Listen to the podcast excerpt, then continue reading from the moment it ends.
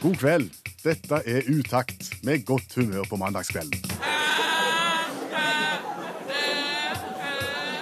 To timer i godt selskap. Med variert musikk.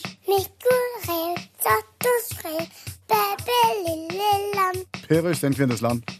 Og Bjørn Olav Skjæveland. Jeg erklærer herved Radioprogrammet Utakt. for åpnet. Kan jeg få begynne med å stille deg et spørsmål? Det kan du godt. Hvis jeg må, må veldig Hva snakker du rundt grøten nå? Hvis det- du må veldig Hva?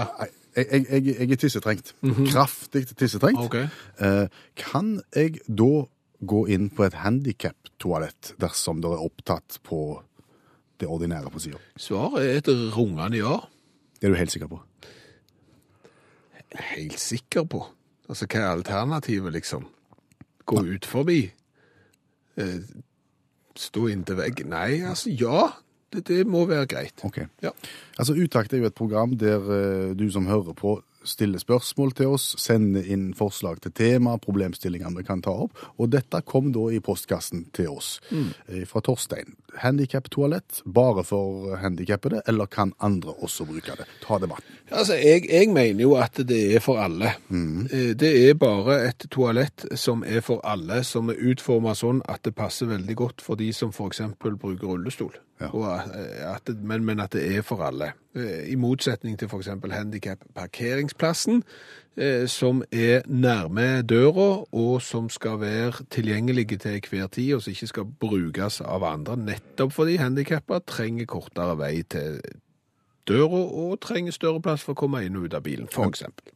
Vi skal ikke bruke handikap-toalettet dersom det er ledig i den ordinære boksen. Det må vi være enige om. Ja, vet ikke. Du, det er veldig fristende, vet du. Ja, du, tenker du komfort nå? Ja, jeg tenker, altså, det, det må jeg si at handicap-toalettene er for det første renere. Det er jo en fordel, og, og for oss som er av det sittende folkeslaget, så, Ja, du, er, du er en sitter. Jeg er en sitter. Jeg, jeg liker å sitte, så er det for det første renere, eh, og, og toaletten er jo mye høyere, så du du deiser på en måte bare rett innpå. Det er fordel, og du har armlen. Det er kjekt. Så, så det er egentlig mye som er tiltalende med handikap-toalett, og jeg Men kanskje ikke du Nei, altså det er dette, det er dette jeg tror er litt nifst, for folk har oppdaga denne komforten her, Ja. du. Og velger da handikap-toalettet utelukkende av komforthensyn, og da er vi på ville veier. Ja, Men så ligger det òg nærmere, ofte, faktisk. Enn Nei, nei, nærmere altså- mot hva? Ja, men ofte så, så nei, ja, Det er jo sånn nærmere enn hva, ja. men of, oftest er det mer tilgjengelig òg. Det andre er mer sånn inn, og så bås og ut. Det er liksom bare inn i døra og ferdig med det. Så, ja. Men, men du ser den at du skal ikke bruke det utelukkende pga. komforten? Fordi at det, det er større og finere og renere? Jeg har lyst til å si nei, men så vet ikke om jeg klarer det heller. For jeg kunne godt si at jo, bare bruk det, men pass på at det, du er jo ikke sånn at hvis det står hvis det er kø, sant? Både der og der, og, og kø forbi handikaptoalettet, så, så er det jo ikke sånn at du sier nei, nå skal jeg inn, og så kommer det en som virkelig har bruk for det, fordi at rullestolen skal inn og sånn. Sånn er det jo ikke. Du reiser deg jo òg på bussen for gamle damer og gravide og sånn. altså der er jo, Det kalles folkesyk, bare det. Er det sånn at du kan se deg litt rundt i lende og ser om du ser noen som kan ha behov for det, og hvis du ikke ser det, så kan du sette deg. Ser du ikke en rullestol på Gratishaugen, så turer du inn. Det er ditt Ja, tips. Det er mitt tips. Hva om rullestolen kommer mens du sitter der inne? Da Da bare gjør Altså, du Dette vet du ingenting om selv. Dette er en altså, situasjon tenker- du ikke har vært i. Jeg tenker du går jo ikke på et offentlig toalett liksom og tar med deg Donald-blader, sant? Det, du gjør jo ikke det, sant? Du sitter jo ikke der for å bare sitte der, så du, du gjør det du skal, og så går du ut igjen. Ja, ok. Skal jeg fortelle litt om hvordan det der oppleves, ser du? Fordi at jeg, jeg, jeg gikk en gang, for det var fullt på det ordinære, Ja. det skal sies, Ja. og, og trangen var stor. Ja. Så gikk vi inn på det andre, og satte oss ned. Oss? Nei, Det høres ut nå høres satt ut som en dame, for de går på do sammen. Ja, nei. det var du. vi satt der. Snakker kan, sjøl i tredje person flertall.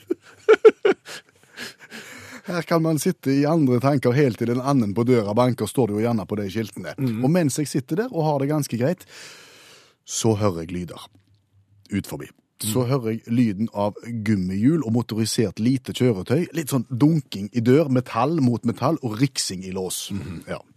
Jeg skjønner at nå kommer det en som egentlig har krav på dette toalettet her og skal inn. Mhm. Hva gjør jeg da? Da gjør du deg ferdig. Jeg har tre valg, sånn som jeg vurderte det da. Jeg kan, jeg kan bare bli sittende og håpe at det går over, at, at vedkommende ikke At han går på det andre handikaptoalettet som ikke fins. Eller tenke at her, er- her, her, her er det låst, jeg må finne meg et annet. Eh, Det gjorde han ikke. Han, vent, han venta. Så da måtte jeg videre. Så var det to muligheter igjen. A. Jeg kunne gå ut og late som ingenting og være litt sånn eplekjekk. eh, eventuelt dra litt på den ene foten. For å på en måte synliggjøre at her hadde jeg også lov til å være. Rettferdiggjøre din egen bruk av. Mm. Jeg, jeg håper ikke du valgte det siste. Nei, jeg, gjorde ikke det. Jeg gjorde ikke det, nei. Det ble, jeg, jeg gikk ut, men jeg har ingen øyekontakt. Fort ut, fort vekk. Flau, rett og slett. Ja, men, men det går jo an å si å beklage. Jeg, sant? Det, Ja, det var det jeg burde gjort. Ja, skulle jo hatt en samtale, så Ja, hadde vi vært enige. Ja, Ja, jeg, jeg tror det. For jeg tror eh, de som, som eh, normalt sett bruker handikaptoalettet, de er nok villige til å innrømme at det der er faktisk en bra plass. Ja. Og det vi vil faktisk oppfordre til nå, Mm. Til alle entreprenører, eh, utbyggere, eh, alle som, som skal planlegge, kan ikke alle toalettene bare være sånn? Litt store, Ja. rene, Ja. høye Og armlen, og ikke minst. Da. Armlene.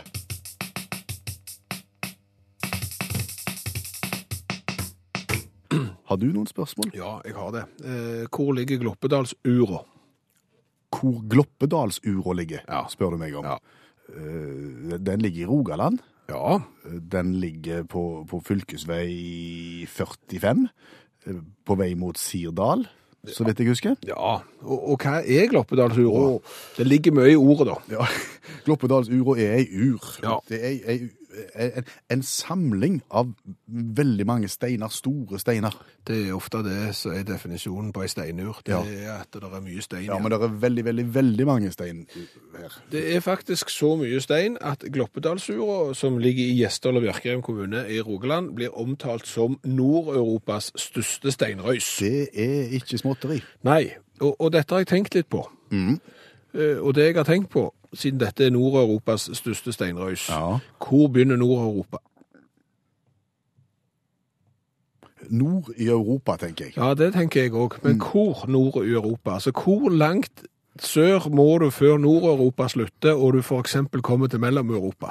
Ja, du har mellom imellom, ja. Ja, og, for, og så kjører du gjennom Mellom-Europa, Og så kommer du til Sør-Europa. ja, på et eller annet tidspunkt. Ja. For da går Mellom-Europa over til Sør-Europa, men jeg vet ikke hvor. Nei. Eh, Jeg vil tro at hvis det var ei kjempestor steinur i Danmark, Ja. så ville den vært med å kjempe med Gloppedalsura om å være eh, Nord-Europas største ur. Ja, Ja. Det, Men det ville være helt utopisk, for, for i Danmark så har de ikke det. Så det er jo ikke der. Hvis han hadde ligget i Tyskland, Ja, så tror jeg kanskje ikke du hadde konkurrert, for da er det muligens da hadde den ligget i Mellom-Europa. Og dermed så Er Tyskland Mellom-Europa? Ja. Ja, men hvor bredt er Nord-Europa da? jo, men altså, sant, hvor, Ja, går, si går, går- Nord, går Nord-Europa så langt øst til Europa slutter, eller er på en måte, sant, altså, er, hvis du er nordøst i Europa, er du da i, Øst-Europa eller i Nord-Europa. ja, eller begge deler? Altså Hvis det ligger ei kjempestore ur langt nord i den europeiske delen av Russland, det blir jo ganske langt øst for oss. Ja. Konkurrerer da Gloppedalsura med den?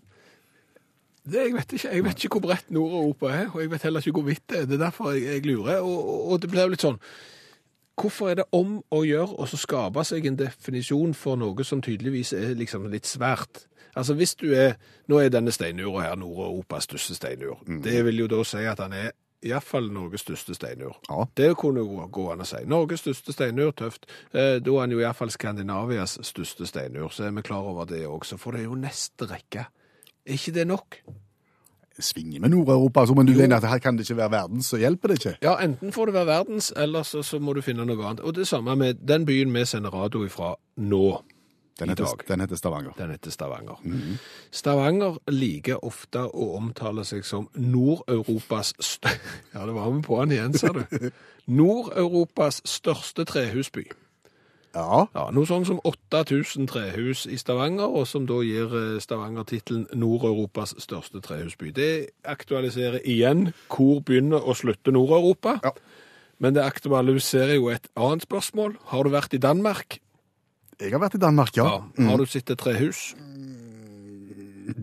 Ikke så mange. Ikke så mange. Nei. Har du vært i Tyskland? Ja. Har du sett mange trehus der? Nei. Nei. Nei. Og så kommer du enda lenger sør. Nærmer du deg Sør-Europa nå? Ja, Det vet jeg ikke. Du er på grensen mellom Mellom-Europa og Sør-Europa. Du har iallfall passert Nord-Europa, tipper jeg. Er vi på Balkan? Ikke ødelegge et godt resonnement, nå, men la oss nå si at du nevner deg Frankrike og Spania. Ok. Har du sett et trehus? Eller mange? Ikke mange. Nei.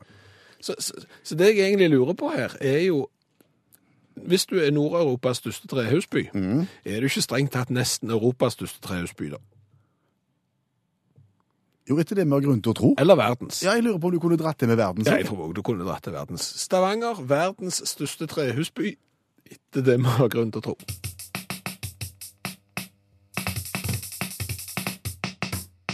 Og hvis vi skal bare oppsummere bitte litt av det vi har vært gjennom så langt i, i programmet, så har vi jo diskutert er det lov for eh, ja, oss eh, funksjonsfriske eh, å bruke handikap-toalettet når de andre òg er ledige. Eh, Veldig mange som har meldt, men Jo er selv rullestolbruker, og han syns at handikaptoalettet bare skal brukes av andre hvis de andre er opptatt. Ja. Og det tror jeg er for så vidt en god idé. Det er jo ikke vits i, selv om de er mye større og mye bedre og har mye høyere toalett og har armlener og mye kjekt. Per Åge, rullestolbruker på fast basis. Ja. Glimrende definisjon for bruk av handikap-toalett. Dette er toalett universelt utformet til bruk for alle. Med andre ord ikke eksklusivt forbeholdt én enkelt gruppe. Og så takker han for et klokt program. Ja, det skal vi ha det på òg nå. Per Åge, det er du òg. Tusen takk, tusen takk. Det skal du ha. Og da går jeg videre med et veldig, veldig vesentlig spørsmål. Vi har jo omtrent hatt utakt eh, geografi spesial i dag, føler jeg. Eh, men spørsmålet til deg, Per Øystein, er jo og Dette har du ikke forberedt deg på, så nå har du sjansen. Ja. Hva er et land? Det var voldsomt med geografi nå. Det var det. Jeg kjenner, på det. Hva er et land? Dette er interessant, sa du. Det er et geografisk eh, område. Ja, okay. Definert område med grenser mot et annet land. Ja, men da, og, og hva er det andre landet, da? Det er et annet land med definerte grenser mot det første landet. Ok. Ja, men det, det er bra, det. Fordi at det er jo nemlig sånn at verden har mange sånne Kjempemange land. Veldig, veldig mange land. Men det er litt alt etter hvem du spør, så får du et svar om hvor mange land det faktisk er. Ja. For eksempel, det amerikanske utenriksdepartementet, Mhm. de anerkjenner Det er sånn. Ja, du har et land vi godkjenner. Mm. De, det- de anerkjenner da 195 stater som selvstendige. I hele verden? Ja, Det var ikke mye. mer enn nok. Mm. Men Australia, mm. de, de har ei liste på 100, 240. Ja, det ser du. Så de har, de har 45 andre land i. Litt rausere, de, da. I, i, i landdefinisjonen sin. Ja, Mulig. Ja. Eh, Mens, mens FN, Mhm. de er litt snauere igjen, ser du. oh, oh. Ja, de har 193. Å. Og så har de to observatør, observatørstater. Det vet jeg ikke hva er. Om det er gjerne et sånt land som står utenfor på de andre og bare ser inn. til sånn observatørstat. Ja, nei, jeg ser hvordan dere har det, sånn vil vi òg ha det om en stund. Og så har de elleve andre stater utenom der igjen, så, så, så blir det 206 totalt. Så, så eh, 193 medlemmer, da.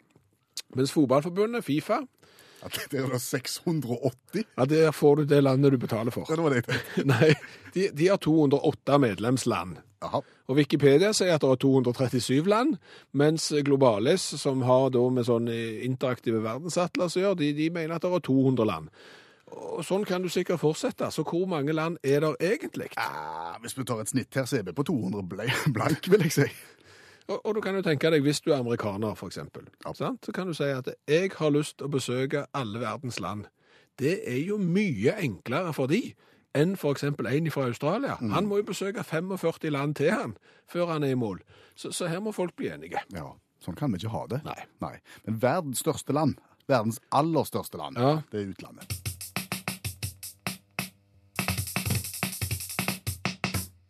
Utakt i NRK P1 hører du, som eh, hver eneste mandag får besøk av allmennlærer med to vekttall i musikk, Olav Hove.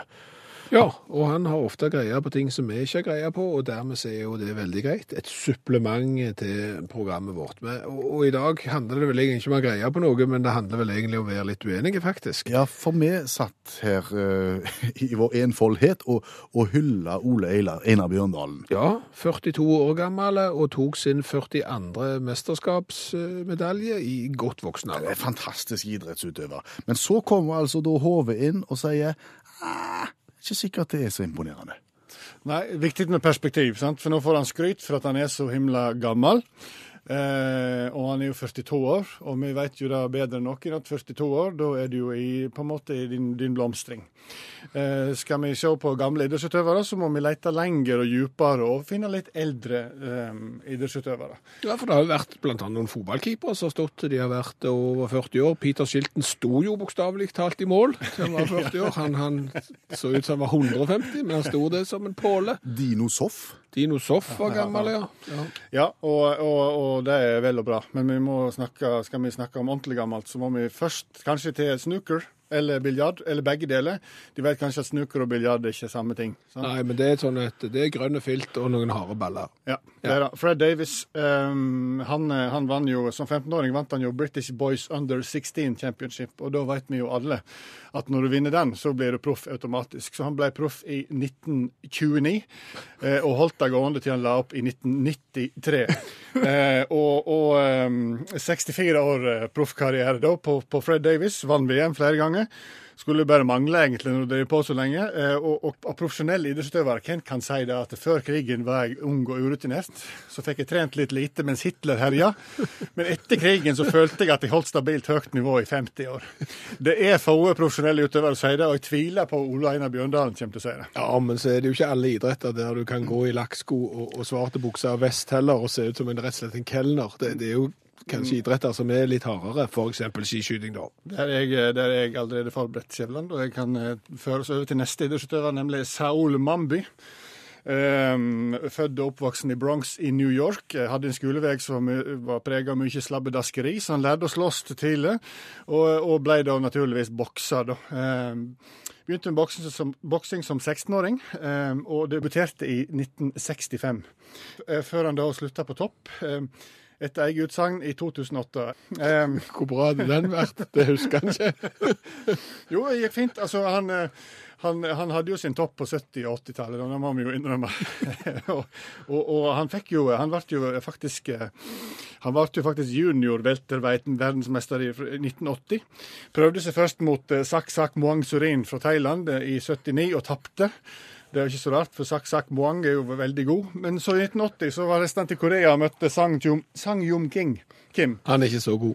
Jo, han er kjempegod. Han er kjempegod. Og ingen, ingen som trodde at Saul skulle slå han. Men så gjorde han det. Han knuste han. Um, og ble da junior verdensmester. Ble euforisk, vil jeg si. Skrev til og med et dikt ehm, i sakens anledning. eh, Fullt av nødrim og, og dårlig rytme. Litt sånn som boksekarrieren hans var. Uh, holdt, men han, holdt verdens, han var verdensmester da i to år. Ehm, og, og, og tapte da, eller mista da beltet sitt for han var blitt for gammel. Og så fikk han da, som 37-åring i 1984, så fikk han da endelig tittelkamp i weltervekt mot eh, regjerende mester Bill Costello, ikke slekt i Elvis, så vidt jeg vet. Eh, eh, og tapte da etter en tolvrunders kamp. Og når du er 37 år og taper en tittelkamp, så pleier de fleste slu, s- slutte, men, men Saul han ble bare enda mer sulten. Så han bestemte seg for at nå skal jeg satse. Nå begynner han. Ja, så han dundra løst. Vant litt, tapte litt, jækla mye uavgjort. Eh, Men, eh, men så gikk det så det måtte gå. da. I 2001 så ringte det telefonen til Saul, og så sa de god dag, det er staten som ringer. Nå må du slutte. Du er 53 år gammel, du er profesjonell bokser. Slutt med deg. Så Saul han slutta da. Men du veit, det er rart med det. Når du først har boksa eh, in 30-40 år, så får du lyst til å fortsette litt. Og så I forbindelse med 60-årsdagen til Saul i 2008, så, så han, var han tilbudt comeback i Idaho. Eh, Der skulle han, eh, der skulle han eh, gjøre comeback, fikk ikke lov. For det er ikke lov for pensjonister å drive med profesjonell boksing. Merkelig regel. Men da flytta de bare kampen til Cayman Island, og da tapte han etter ti runder mot han 27 år yngre Anthony Osborne. Og da la han opp, eh, i alder av 60 år. Så jeg tenker Prøv deg på den, du, Ole Einar Mjørdalen. Og så kan du bare drive på helt til staten ringer og sier at nå Nå, Leinar, nå må du gi deg. Men du fortalte tidligere her at Saul han eh, skrev dikt med, med nødrim og, og alt om boksing. Mm. Er det mulig å få høre dette diktet? Ja, rett etter kampen så skrev han følgende. In the 14th round we stood toe to toe, and I said to myself, he must go. So with the right hand straight to the chin, I knew then and there I was going to win. Det er vakkert. Det er gripende.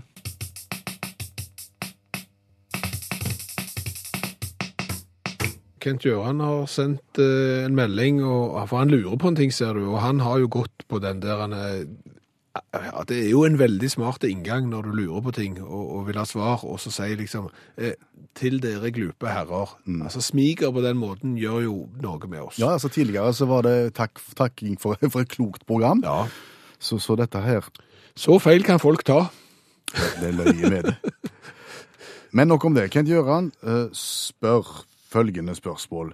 Eh, er det greit å begynne å spille badminton i en alder av 41 år? Eh, spør du meg, så svarer et rungende ja. Ja.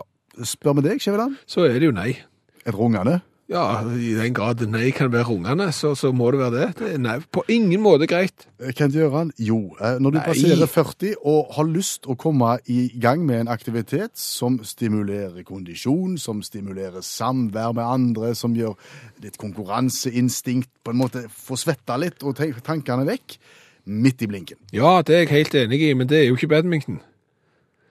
Altså, Poenget her er jo at du er 41 år, og, og, og badminton er en liten, tynn racket og en enda mindre fjørball. Ja. Og den skal, for å få den til å gå fort, så må du slå så hardt med den kølla. Og tenk deg da, eh, Kent Gjøran, når du kommer og skal slå et par tusen slag på en torsdag kveld med den der. Alt du kan. Prøv å slå i løse lufta alt du kan. Altså hiv en ball som du ikke har i hånda. Hvor lenge har du den skulderen? Den varer i ca. tre kvarter. Så kan du begrave hele skulderen, så kan du si takk for i dag. Det var kjekt med, med badminton, men det kommer aldri til å gå. Så du mener karosseriet hans på en måte ikke er klar for den type Ja, aktivitet? altså, det kan virke helt uskyldig med badminton, men det er livsfarlig. Har, du, har du erfaring med dette? Ja, har du men- fått tennisalbue i badmintonkølla di? minst. Og, og en ting til som du ikke vil når du er 41 år, og det er å utsette deg for den der visuelle faren som jo er til stede når du beveger deg fort fra ei side til en annen. Gjentatte ganger. Du skal fram, du skal tilbake, høyre, venstre, sant? hele veien. Det som da skjer, er at utrent muskulatur sier, vet du hva, det her gidder jeg ikke være med på. Jeg går for en strekk. Så får du deg en kalasstrekk. En hamstring? Så blir du liggende. Og det er ikke et bilde som så er fint. Mann 40 år liggende med strekk på, på tennis, eller ja, dette var, har skjedd med meg på tennisbane. Dette var badminton. Ja, og, og, men det er samme problemstillinger. Så, så derfor så vil jeg bare eh, Nei, badminton er ikke greit. Heller ikke håndball. Ikke håndball heller. nei. Det kan jeg Altså, dette det, nå, nå tar vi fra den egne erfaringsbasen her, og så sier vi Nå, nå skal- skildrer vi 40-årskrisen til Skjæveland, på en måte. På en måte. Jeg fant ut at eh, jeg har jo spilt håndball på relativt passe godt nivå eh, når jeg var yngre og litt eldre.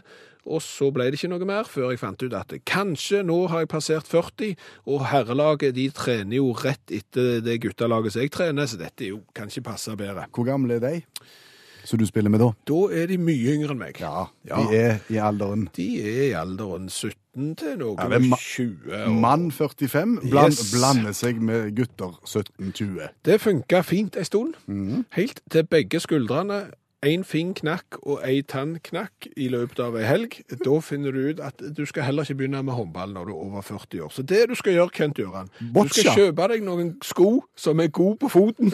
Det er ikke så viktig om de er fine, de må være gode på foten. Og så er det beste å gå i ulendt terreng. Det er gørr kjedelig, men, men det er det beste. Og pass deg for trekket. Ja.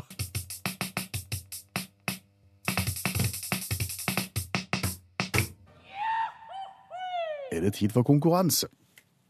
Ja, og vi spør jo etter motiverte eh, konkurransedeltakere. fordi at vi vet jo det, ut ifra godradioteorien, at eh, skal vi gjøre hverandre gode, så må vi ha en indre motivasjon for å stå på. Ja, og det er da Vegard Berget skriver følgende til oss. Jeg er på vei hjem fra orkesterøvelse, og vi skal delta i Norgesmesterskapet i janitsjar til helga. Derfor trenger jeg konkurransetrening for ikke å frike ut til helga. Synes også det hadde vært artig å komme med utakt-T-skjorte på orkesterøvelsen. Hilsen Vegard, altså. God kveld, Vegard. God kveld. Eh, veldig stor forståelse for det med konkurransetrening. Godt å komme i gang og godt å kjenne at ting fungerer, ikke sant? Ja, det er veldig godt. Ja. Gikk det bra på øvelsen i dag? Ja, det gikk veldig bra på øvelsen, og skal vi ha en i morgen også, så det blir nok bra. Godfølelsen er i kroppen. Ja. Ja, flott. Er det pliktnummeret dere øver på nå? Nei, det er ikke pliktnummer i Janitsjar, eh, men vi øver på stykket vårt. OK. Det er bra. Har du hørt konkurransen før? Ja, det har jeg. Så bra, men da kan jeg gjenta det for de som ikke har hørt det før, sånn at det ikke virker helt gresk. Vi har ni spørrebøker foran oss. Vegard velger et nummer fra 1 til 9 med plukker ei bok, finne et vilkårlig sidetall og et vilkårlig spørsmål. Skulle Vegard svare rett, så får han litt gladjodling.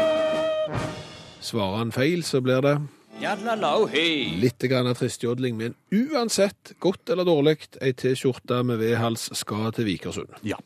Skal vi bare begynne, Vegard? Velg et spørreboknummer fra 1 til 9. Seks. Nummer seks. Da havner vi på barnas egen spørrebok nummer 19.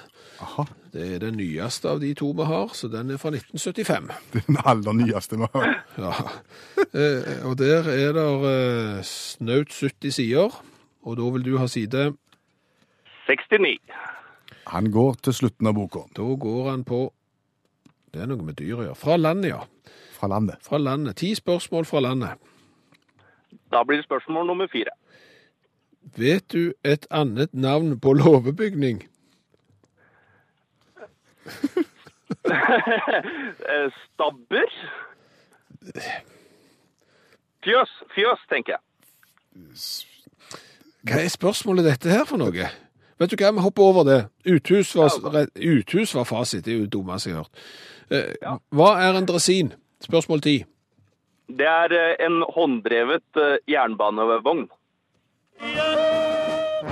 Ja, du kan vel trø den òg, kan du ikke det? Jo, du kan vel kanskje det òg. Ja, men den er god. Det er en sånn en som du trør og sykler på jernbanelinjen med. Det er godt. Da har vi én av tre Vegard inne, og vi går videre til spørrebok nummer to. Da velger jeg nummer tre. Nummer tre, og da ble det Da ble det den største vi har. Det er Quizgiganten. 3000 spørsmål og svar for ikke mindre enn hele familien. Se det, ja. Ja, og der er det jo over 500 sider. Så nei, der er 408 sider der. Ja, da velger jeg side nummer tre. Ja, da spørs det om du er kommet forbi innholdsfortegnelsen.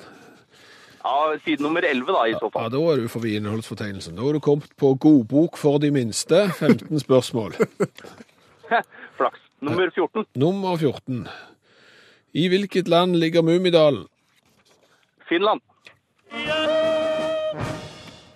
Har du lest den? Eh, ja, vi har boka hjemme. Ja. Hele samlinga. Mhm. Og Snusmumbrikken og alle de andre.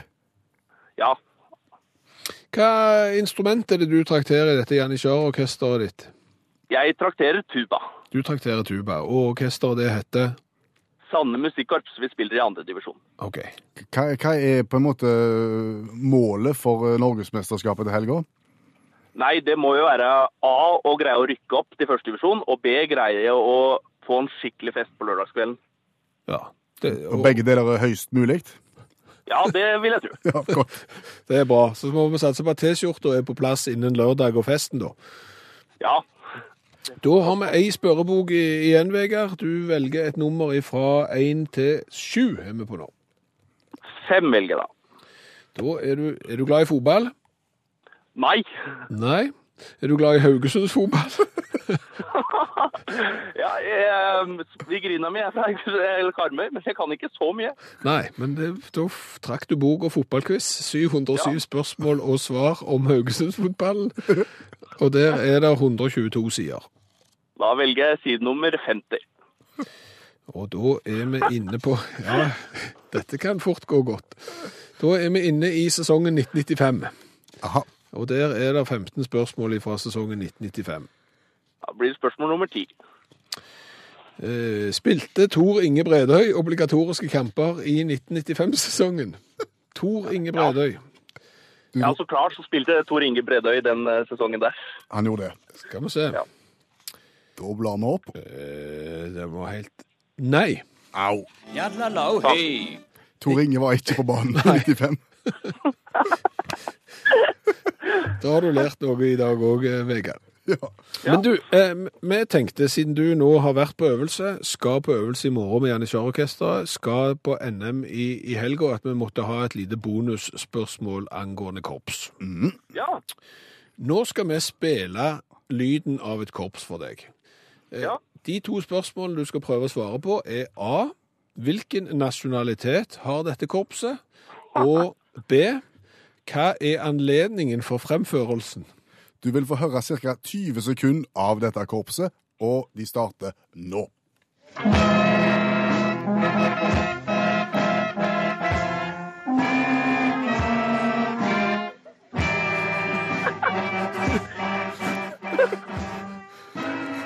Eller kanskje det var nok med ti sekunder. Ja.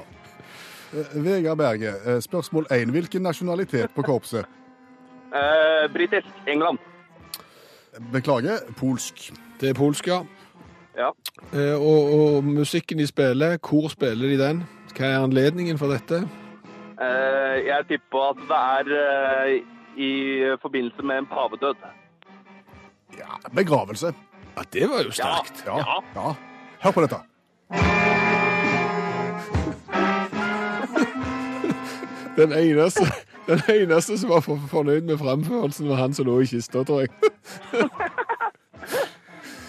Vegard Berge, tusen takk for at du var med oss, og lykke til Tusen med takk for at jeg kunne komme. ja, Veldig kjekt. Og lykke til i mesterskapet. Hils resten av korpset, Det skal jeg gjøre. og gjør det, og gjør det litt bedre enn polakkene. Det skal vi gjøre.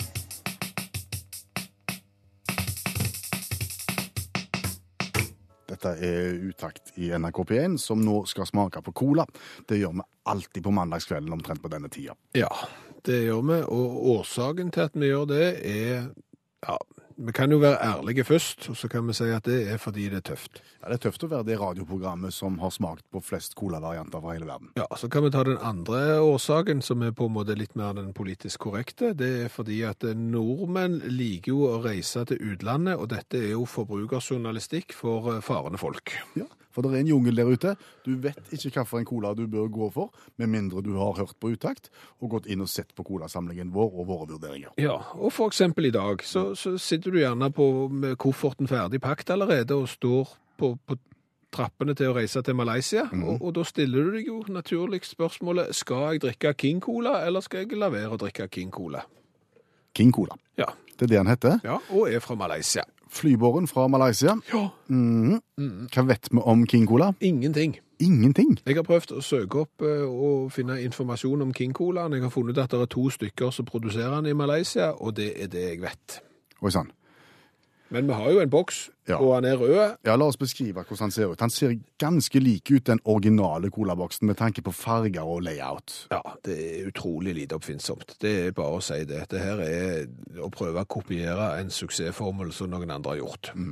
Men King Cola er jo, det er jo litt artig navn. Ja, det er det. Og så har de skrevet Cheers bakpå, og det har de skrevet med nøyaktig den samme skriften som de hadde på den eh, amerikanske TV-serien som utspilte seg på en pub. Så her blander de litt både fra, fra cola og, og pub og United States of the USA.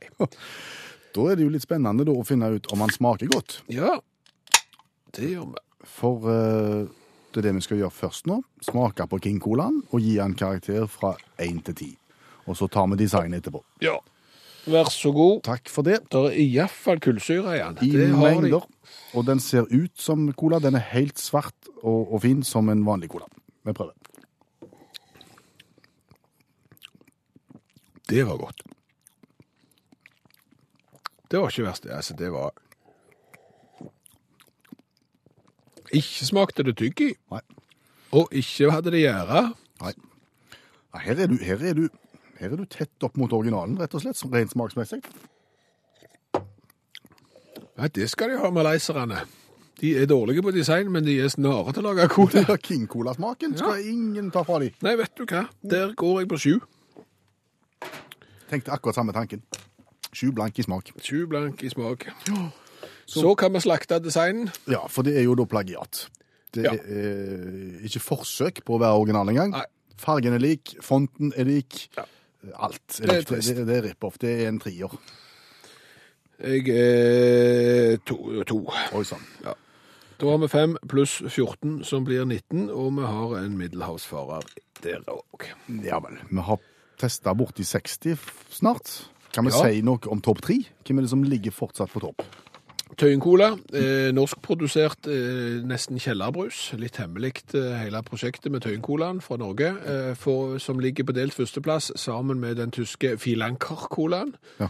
Eh, og har da Go-Go Cola fra Pappa Ny-Guinea på en eh, tredjeplass.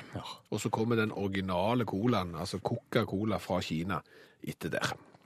De anbefaler vi. Det du overhodet ikke skal nærme deg. Det er alt som det står sherry foran. Alt som det er sherry, ja, sherry i seg sjøl. Altså ikke bare sånn alkoholsherry òg kan du bare droppe. Men sherry cola, det er s- det verste som fins. Og så har du den sørkoreanske McCool, Ja. som inneholder byggekstrakt. Det må du aldri kjøpe.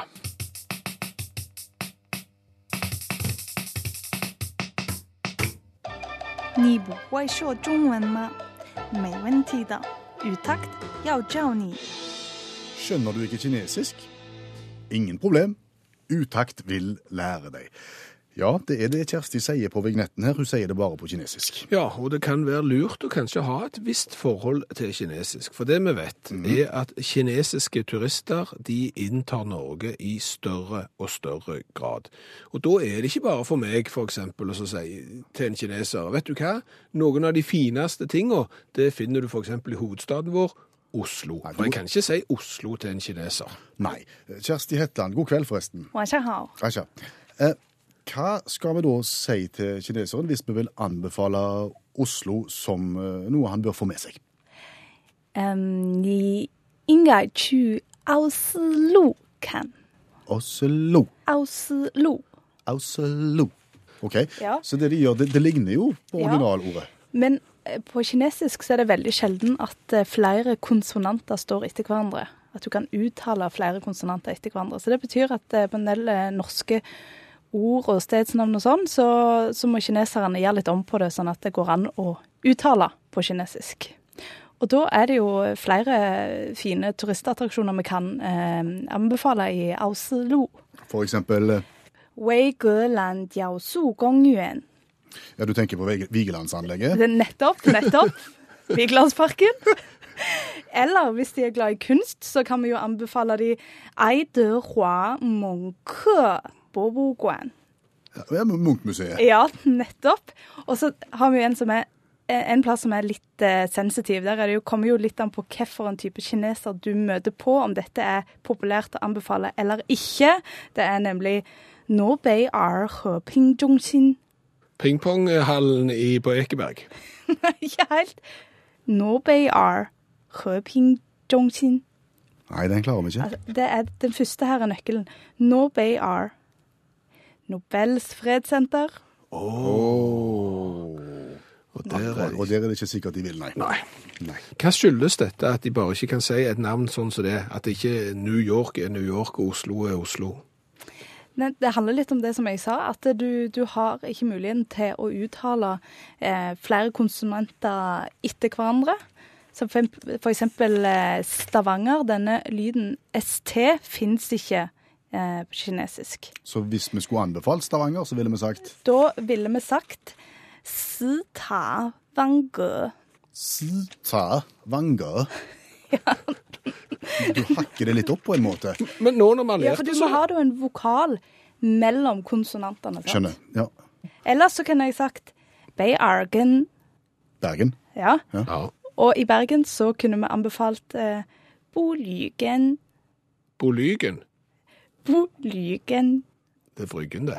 Ja, det er det. det, er det, det. Skal du på Bolygen i B? Ellers i Bergen så har de jo òg Gelige Yinjue Dating. Ja, de har Grieghallen. Ja. Men det beste er jo hvis vi skulle reist litt lenger nord, Ja. til byen Tølonghemo. Trondheim eller Tromsø? Trondheim. Trondheim, ja. For der har de jo den eh, velkjente Nida låsi Jujiao zuotang. Det er jo Nidarosdomen uten R. Det er helt korrekt. Ja, men altså, her, her, dette har vi jo lært veldig mye av. Ja, og jeg, jeg tenker, Hvis vi hadde møtt noen kinesiske turister og, og gått bort, om vi hadde lært oss noen av disse her, blir de glad? Blir de, blir de, blir de imponert hvis vi drar til? Eller? Det, det tror jeg de hadde blitt eh, veldig imponert over og blitt veldig glad for. Men Kan det- være de hadde begynt å snakke til deg på kinesisk tilbake. Jeg vet ikke hvor mye du hadde forstått da. Men det, Men det er jo eh, konsonantene her som skaper trøbbel, og én ting er jo da å reise til Norge. Jeg ville jo sett meg gru hvis jeg var kineser og skulle reise rundt i Øst-Europa, der de har 17 konsonanter etter navn før det kommer en eneste vokal. Eh, kanskje vi skal se på det neste Ja, uke. vi. Stedsnavn og egennavn i Øst-Europa med masse konsonanter etter navn. Tusen takk skal du ha, Kjersti, og ha fortsatt god kveld. Xixia.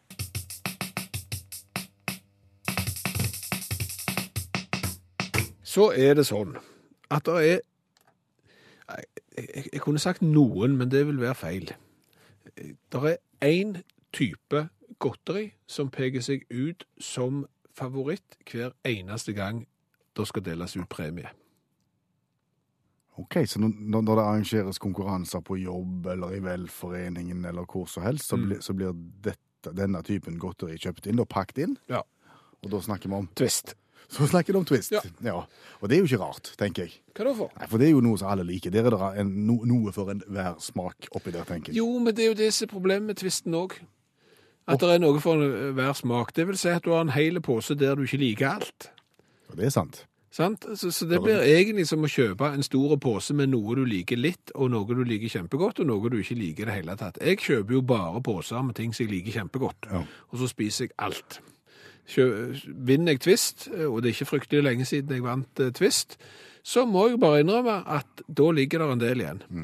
Nå kan jo du si at det har jeg sikkert ikke vondt av, at det ligger Nei, Litt det, igjen. Det er sikkert flere som ville sagt det. Ja, men det er en hei, helt annen diskusjon, og, og det er ikke det vi, vi snakker om nå. Det vi snakker om nå er hvorfor i all verden må tvisten ha den der denne, førsteplassen og hevden på å være premie. Ok, hva vil du ha? Du ville gått for tofin? Ja. Hva er tofin for de som ikke er innvidd? det er godt. Ja, det er kjempegodt. Ja. Det er lite og firkanta esker med små kuler. Ja, nå, det, nå har ikke du kjøpt Tofin siden du gikk på kino i 1993, tror jeg, for nå er Tofin på, på plastpose. Og du kan få stor tofin. Å ja, du kan få eh, Tofin i mengder. Eh, og og det er da litt sånn kar karamellaktige kuler, mm. som av en eller annen årsak har ulik konsistens, selv om det er det samme produktet. Noen er harde, og noen er myke. Ja, De er kjempegode. De har jeg aldri vunnet. For eksempel. Det har aldri vært sånn at hvis du kommer med det beste navneforslaget i denne konkurransen her, så skal du få en palle med Tofin. Nei da, det er tvist. Igjen, selvfølgelig. Lakris. Det kan du ha for deg sjøl. Nei, det ville jeg godt for. Ei svære eske med panda. Å, Det er farlig, det. er det farlig? Ja, det er farlig å spise for mye lakris. Hva skjer da? Jeg husker ikke hva det er, men det er jo de som har blitt lakrisforgifta. Det er ikke tull, så det vil du ikke ha. Nei, jeg vil ikke ha lakris. Bare Nei, det vil du ikke ha. Så du vil ikke ha lakris og ikke Twist, eventuelt bare Tofin. Eller så har du jo den som Altså, om det finnes noen Det finnes de som ikke liker godteri. Ja. Og det er for så vidt deres problem, ikke vårt. Men hvis du da liker godteri, finnes det noen som liker godteri, som ikke liker melkesjokolade? Nei, det tror jeg ikke. Hvis du, hvis du liker godteri, så liker du nok det. Ja. Da sier vi melkesjokolade. Bare gå for det. Ja. Ja. Store, selvfølgelig. Ja. Gjerne en hel palle. Ja.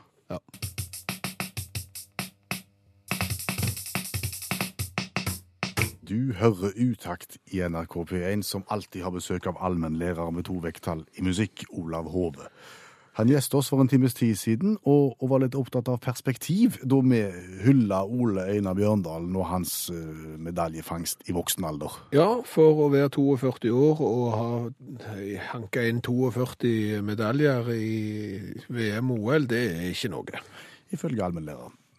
Nei, Hvis vi skal se litt på idrettsutøvere her i verden, da, og alderen på dem, så er han jo eh, så når han ikke til anklene, eh, vil jeg si. Eh, Jeg kan nevne i fleng, men jeg, vi kan jo begynne med, med, med Stanislav Kowalski, som er den eldste av de, andre, av de alle sammen. Han er for året polsk mester på 100 meter i klassen 105 år og eldre. Sette nå vann i juli med tiden 34,50. Um, 100 meter. 100 meter. Eh, Ikke minutt, sekund. Sekund, ja. Var Oppesen eh, han, han, eh, han, han stilte jo, kan du si Han var i en egen klasse, for å si det slik, i dobbel forstand. Eh, eh, og, og hvis du ser det på YouTube, så vil du se at etter 50 meter så hever han armene og, og, og breier seg i mål. Så han kunne nok ha sprunget kjappere. Eh, Stanislav har òg 4,87 i diskos, som òg selvfølgelig er verdensrekord for alderen 105. For det er ikke en sjel i denne verden som har kasta diskos så det er over 105, bort ifra, bortsett fra Stanislav Kowalski. 4,87, altså 4 meter 87 centimeter i diskos. ja, det er verdensrekorden. For- klassen 105 år og eldre. Og eldre, ja. ja, så det er jo, eh, men det er noe som heter The World Masters Athletics. Det er liksom VM for, eh, for, eh, for, for, for, gamle, nei, for, de som er 35 år og eldre. Og der har vi jo Olga Kotelko, som på en måte er, er den legenden, da. Eh, Du vet, Fotballspillere de sier slik at nå skal jeg kjøre karrieren min, og så skal jeg ta utdanning. Olga hun tenkte som så, nå skal jeg kjøre utdanning, så skal jeg kjøre yrkeskarrieren min, og så skal jeg satse på idrett. Um, hun eh, pensjonerte seg eh, og begynte med softball. Følte hun var litt slapp i fisken, så hun engasjerte en ungarsk eh, trener. Ja, og softball det på, ligner litt på baseball, bare at du hiver underarmskast istedenfor overarmskast. Dette kan jeg faktisk. Ja, det, det er helt korrekt. Det er slowball, pussig slowball. Men hun, hun ansatte da en ungarsk trener, eh, for hun ville bli litt kjappere i steget. Og du vet, eh, tradisjonelt sett, hvis du ansetter ungarske trenere, så har en ofte en jæklig framgang. Og det hadde Olga, og han, han, han anbefalte henne å bli eh, å begynne med friidrett, og det gjorde Olga, og det vil jeg si var smart. Eh, når, hun, når hun døde i, for, for to år siden, så hadde hun 23 verdensrekorder. Eh, hun, hun sette, I det året 85, som var blomstringsåret hennes, så satte hun 20 verdensrekorder hver det året. For det er det fine, vet du. Du kommer stadig i nye aldersklasser, så setter du nye verdensrekorder. Så hun har ikke gjort annet enn å sette verdensrekorder siden hun var 77. Når hun fylte 94, så, når hun fylte 94 det året, så, så, eh, så erklærte hun at nå skulle hun trappe ned kommende sesong. Så det, så året stilte hun bare opp i lengde, tresteg, høgde, kulestøt, spyd, disko, slegge, 100-200 meter og 400 meter pluss stafetta, selvfølgelig. Eh, eneste kvinne i noen idrett som innehar alle verdensrekordene i samtlige friidrettsgrener. Olga Kotelko eh, sette verdensrekord på 100 meter to måneder før hun døde. Eh, og når hun døde, da, så døde den største stjerna innenfor veteranidrett, og da tredde Don Pullman fram. Han, i, årets, I San Diego, årets verdensmesterskap, så setter han fem verdensrekorder i, på 100 meter i lengde, diskos, høgde og kula. Alder. Alder 100 år akkurat. Og det, var jo, det, var jo, det er jo et legendarisk verdensmesterskap. Han brøt jo den magiske grensa på 100 meter for 100-åringer. Han kom altså første 100-åring under 27 sekunder. Eh, 26,99 ble han klokka inn. Eh, til Sikkert ikke stående ovasjoner, for det er jo over 90 alle som ser på. Så, ovasjoner med gåstol. Eh, så hoppa han 1,78 i lengde. Selvfølgelig verdensrekord der. Kasta 14 meter i diskos, verdensrekord. Så hoppa han 90 cm i høgde, verdensrekord. Og kasta 6,56 i kula. Jeg syns det er imponerende. Jeg vet ikke hvor tung kula er. Så gikk det skeis i spyd. Det til tross for at Bud Held, tidligere olympier i spyd fra 1952, var trener. Eh, Bud Held har for verdensrekorden i stav for 80 år eldre på, på 1,75. Han har ironisk nok ikke verdensrekorden i spyd. Men, men Bud Held ble intervjua her av lokalavisa i San Diego, og han klagde på at Don Pullman i spyd han, for, han sprang for sakte i tilløpet. Bud var kritisk til farten i tilløpet, og det å replisere Don Pullman det er lett for han å si, som bare er 87. Så det er Det er min, det, det er, ja. dette her minner meg om eh, den historien som jeg alltid pleier å dra når jeg sier at jeg har slått en verdensmester i, i hopp på ski, og det har jeg. Har du det, ja? Ja, han var verdensmester i klassen for de over 90 år, og jeg slo han med en meter.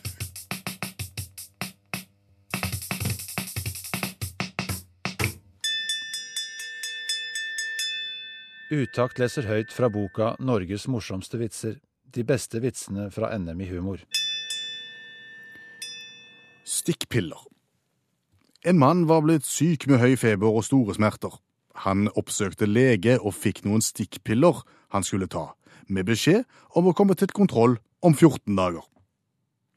Nå hadde denne mannen aldri vært hos lege før, og visste derfor ikke hva en stikkpille var, eller hvordan den skulle brukes. Han tok derfor pillene inn den vanlige veien. Nå, sa legen da mannen kom tilbake, har pillene virket? «Mm, Nei, jeg føler meg ikke noe bedre i det hele tatt, sa mannen. Jeg kunne like godt ha stukket de i ræva.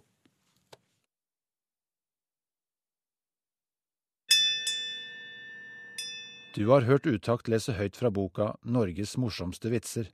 De beste vitsene fra NM i humor.